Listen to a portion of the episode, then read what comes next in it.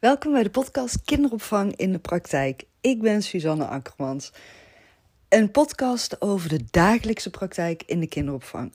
Vanuit mijn ervaringen, mijn belevingen binnen de kinderopvang als zelfstandig ondernemer met een eigen kinderdagverblijf, 22 jaar gehad. Uh, inmiddels kinderdagverblijf verkocht en doe ik coachen en adviseren binnen de landelijke kinderopvang. Ik geef ook de training uh, Ruimte voor Baby's, volgens IKK gecertificeerd. En nou ja, vanuit al die verschillende ervaringen, ook als pedagogisch medewerker werkzaam geweest, leidinggevende. Nou ja, noem het maar op. Ik ben zelf ook uh, klant in de kinderopvang geweest als ouder zijnde. Heb ik al mijn ervaringen gebundeld en ja, vertel ik vanuit mijn ervaringen, mijn kijk op de kinderopvang, alles over de kinderopvang. Ik deel tips, inspiratie en adviezen met jou. En vooral hoop ik je te inspireren om nog meer aandacht te besteden aan die dagelijkse praktijk. En daarmee bedoel ik, hoe kan je nou op de meest efficiënte wijze pedagogisch handelen ten aanzien van de kinderen in de groepen zodat het de kinderen in hun eigen ontwikkelingstempo en hun eigen ontwikkelingsfases ten goede komt vanuit rust en plezier. Daar gaan deze podcastafleveringen over. Ik wens je onwijs veel luisterplezier. Hey, superleuk dat je weer luistert naar de podcast Kinderopvang in de Praktijk. Ik ben Suzanne Akkermans. Ja, en vandaag uh, ga ik het met jou hebben over ik denk nog een stukje over BSO en nog een stukje over verticale groepen. Ja, zal ik het daarover gaan hebben vandaag? Um, ja, die BSO. Ik uh, zei het uh, in uh, aflevering 154 van deze week ook al, dat het zo belangrijk is om te gaan kijken naar de doelgroep. Waar heeft de doelgroep behoefte aan? Wat is hun ontwikkelingsfase? Welke belevingswereld hebben ze? Wat spreekt ze aan? En hoe kan je ze daarin meenemen en bij betrekken? En um, ja, voor mij zitten daar gewoon duizend en één ideeën op ook altijd. Ik kijk dan naar die kinderen en ik denk dan echt van oké, wat zit er achter het gedrag? Je kan heel snel en makkelijk gaan zeggen van ja, die kinderen die willen niks, die willen alleen maar gamen. Maar als je echt gaat kijken naar wat die kinderen echt behoefte aan hebben, is toch ook gewoon weer, net zoals bij die kleine kinderen, gezien, gehoord en begrepen voelen. En ik geloof echt dat daar veel meer focus op mag komen te liggen. Dat er veel meer focus mag komen te liggen op bij de kinderen gaan zitten spelen ongeacht de leeftijd, gewoon echt samen met die kinderen alles gaan ontdekken. Ongeacht de groepsamenstelling. Ik geloof dat dat binnen kinderopvang in het totale brede concept van de kinderopvang het allerbelangrijkste is. Verbinding, contact maken met die kinderen door beschikbaar aanwezig te zijn, nabijheid er zijn. Niet met duizend en één andere dingen bezig zijn. Nee, met die kinderen bezig zijn. Ga bij ze op de grond zitten. Ga met ze samen spelen.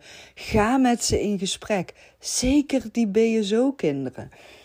Die willen gewoon echt gehoord en gezien voelen. Die willen zichzelf begrepen voelen. Die willen dat jij gaat zien waar ze behoefte aan hebben. En hoe kan je dat nou gaan ontdekken? Hoe kan je daarop in gaan spelen? Juist door bij ze aanwezig te gaan zijn, door bij ze te gaan zitten, bij hun spel aan te sluiten, te luisteren, vragen te stellen, te kijken, te observeren, te weten door jezelf te verdiepen in de doelgroep, in de leeftijden. Wat speelt er bij die kinderen? Wat leren die kinderen? In welke ontwikkelingsfase zitten die kinderen? Op welke manier leren deze kinderen? En niet ieder kind leert op dezelfde manier. Uh, dat vind ik ook zo mooi aan uh, de Regio Emilia-methode. Dat je echt gaat kijken van op welke manier leert ieder individueel kind. En heel vaak krijg ik dan direct de vraag van ja, ja, ja, maar dat klinkt heel mooi, maar hoe ga je dat praktisch toepassen? Want dat gaat niet. We hebben duizend en één taken erbij. We hebben Uh, bijvoorbeeld op de BSO, zoveel verschillende schooltijden dat de kinderen uit school komen. Uh, dat we ze moeten gaan ophalen, dat ze met de taxi gebracht worden, maar ook in een verticale groep. We hebben zoveel verschillende leeftijden, zoveel verschillende behoeftes. Dat gaat niet. We moeten verslagen schrijven, we moeten taken uh, uitvoeren, we moeten schoonmaken, we moeten dingen voorbereiden, we moeten contact hebben met ouders, we moeten ehm, observaties maken, we moeten thema's voorbereiden, noem het maar op alles, al die ja-maar-reacties, daar zit de kunst van het organiseren achter verscholen. De kunst van het efficiënt gaan samenwerken. De kunst van gaan kijken naar wie doet wanneer wat en waarom en op welke manier. En als je dat eenmaal ziet, dan gaat er tijd ontstaan om bij die kinderen te gaan zitten. Dan gaat er tijd ontstaan om verbinding te maken met die kinderen, om gewoon in hun spel aan te kunnen sluiten.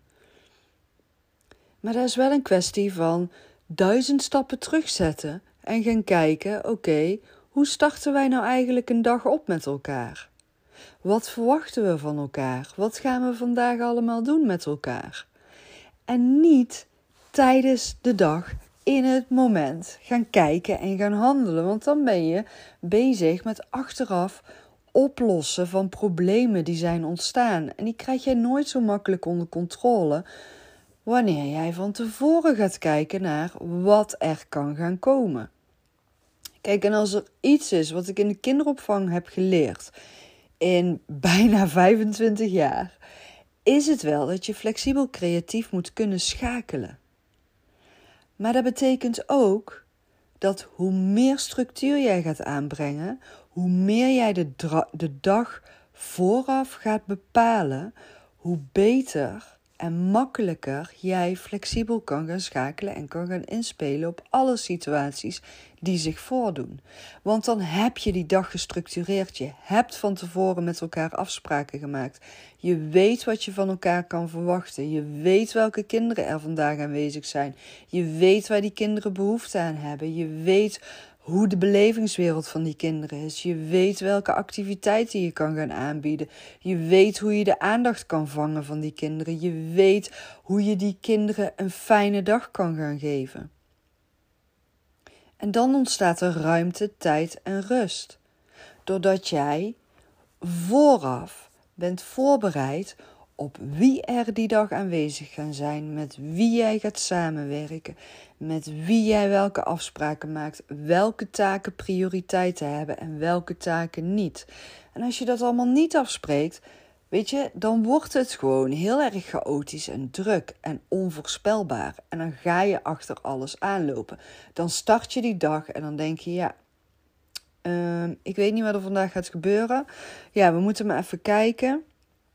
Uh, ja, we zien wel even hoe die kinderen uit school komen. We zien wel even hoe het vandaag in die groep gaat verlopen.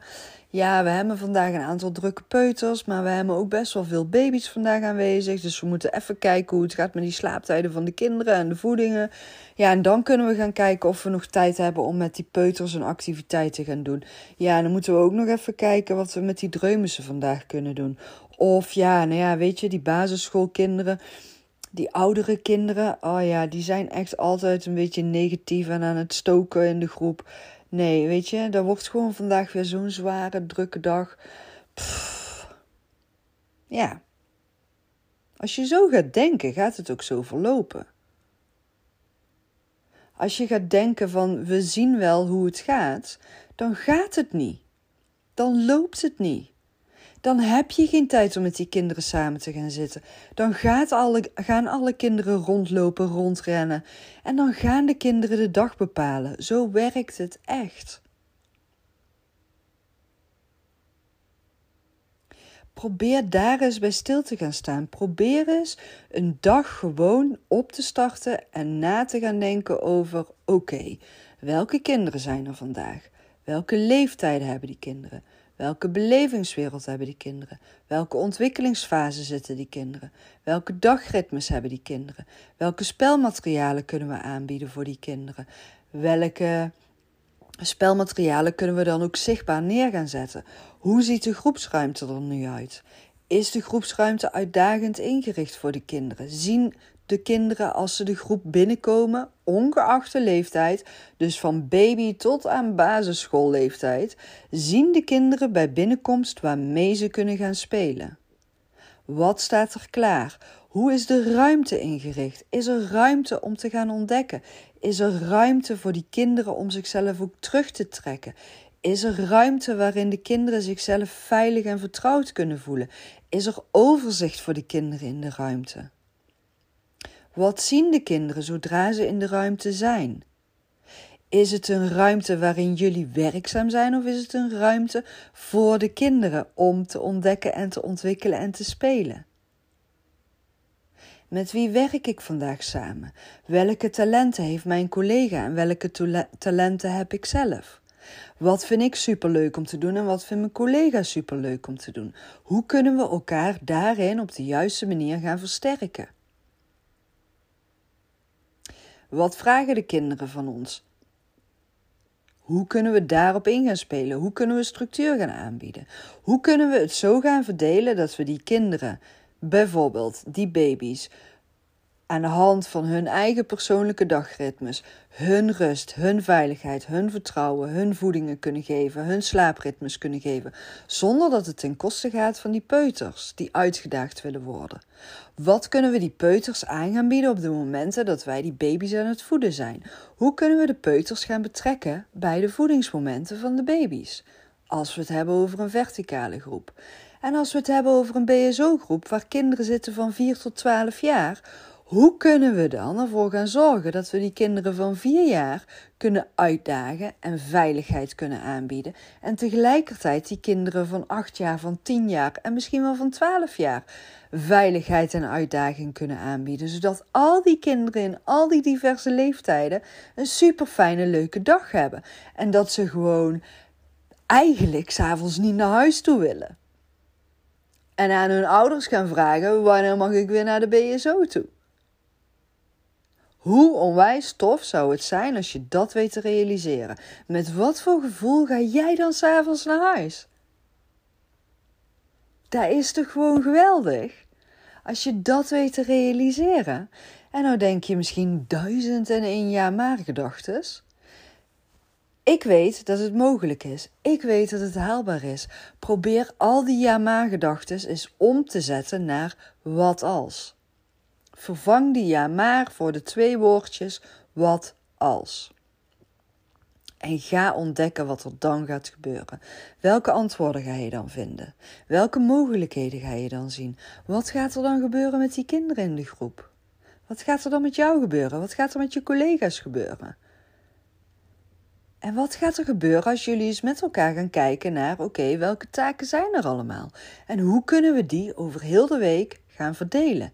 Welke momenten kunnen we nou het beste gaan uitkiezen om die taken uit te gaan voeren? Is het eigenlijk wel verstandig om dat om 12 uur te doen, of om 10 uur, of om 4 uur? Of moeten we gaan zeggen, die taken moeten we om 9 uur en om uh, eh, 2 uur gaan doen? Of misschien moeten we die taken één keer per dag om 2 uur doen en door één persoon laten doen in plaats van dat we allemaal met iets bezig zijn. En wie kan die taken dan het beste uitvoeren? Wie is er een kei in hygiënisch werkzaam zijn? En vindt het superleuk om alles schoon te maken? Of hoe kunnen we dat het beste gaan verdelen zodat iedereen een keer aan de beurt komt? Of wie is supergoed in um, de oudercontacten en kan daar dus collega's in gaan meenemen en uitleg over geven? Wie kan daar collega's in gaan ondersteunen? Ehm, wie is er super creatief in het bedenken van themaweken? Wie kan dat dan het beste gaan doen? En kunnen we daar een vast moment één keer in de zes weken voor inplannen? En wat als we nou eens gewoon vier vaste thema's gaan invoeren voor een heel jaar en daar vanaf nu aan gaan werken, iedere zes weken? Dan is het nu dit jaar wat extra werk. We betrekken daar de coaching bij. En dan hebben we vanaf volgend jaar een vast themamap waar we mee aan de slag kunnen gaan. Misschien moeten we gewoon eens opnieuw gaan kijken wat staat er nou eigenlijk beschreven in het pedagogisch beleid over ons dagritme. En is dat nog wel werkbaar en haalbaar? Komt het nog overeen met de dagelijkse praktijk? Of mogen we dat gaan aanpassen en gaan wijzigen? Zitten daar knelpunten in die gewoon niet handig zijn? Welke activiteiten doen wij ondernemen met de kinderen zoals het beschreven staat in het beleid? En wat doen we juist helemaal niet meer? En waarom doen we dat niet meer? Kunnen we die activiteiten weer opnieuw gaan invoeren? En wat hebben we daar dan weer voor nodig van elkaar? En wat zijn dan de juiste momenten voor die activiteiten? Ga echt kritisch die vragen stellen. Ga kritisch vragen stellen. Ga het ontdekken. En weet je, misschien moet je gewoon deze podcastaflevering tien keer opnieuw gaan beluisteren. Ga er even rustig voor zitten. Pak een notitieblok erbij. Ga alle vragen voor jezelf opschrijven die ik nu allemaal hierin heb gesteld. En ga daar stap voor stap mee aan de slag. Begin gewoon bij één vraag en ga van daaruit ervaren, proberen, spelen, uitproberen, bijschaven, bijstellen. En het iedere keer opnieuw toepassen totdat je de antwoorden hebt gevonden ben heel benieuwd wat je hiermee kan gaan doen, gaat doen en wat de resultaten gaan zijn.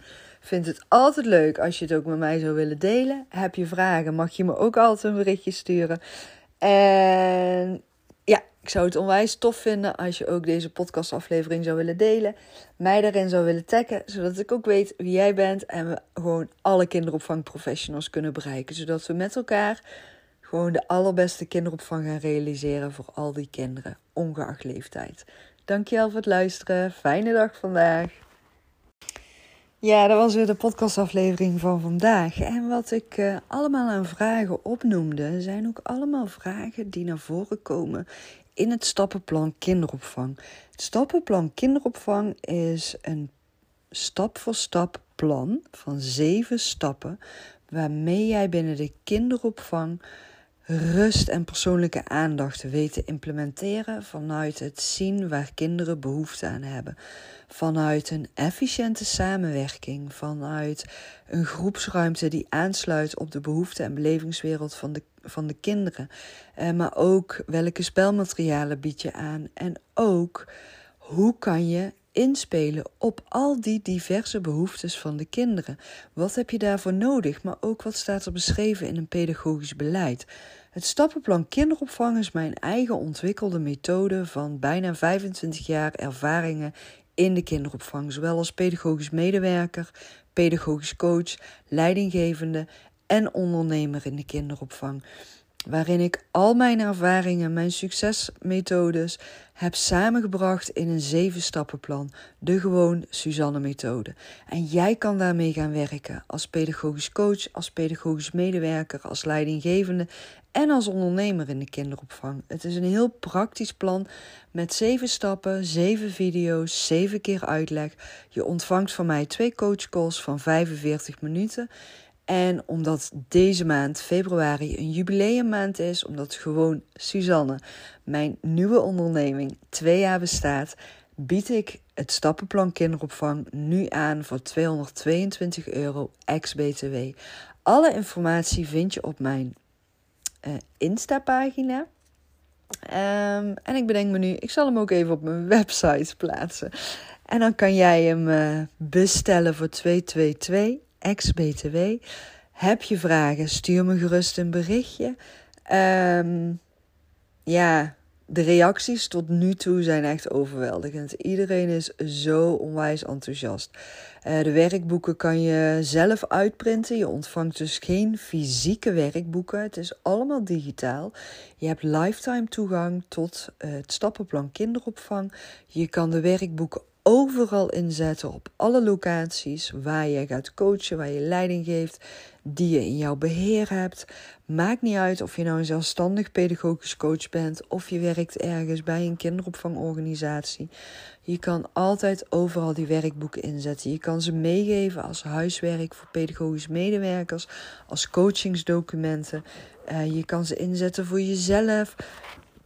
Duizend en één mogelijkheden zijn er. En als je ergens in vastloopt, help ik je graag verder op weg. En als je er vragen over hebt, stuur me gewoon even een berichtje.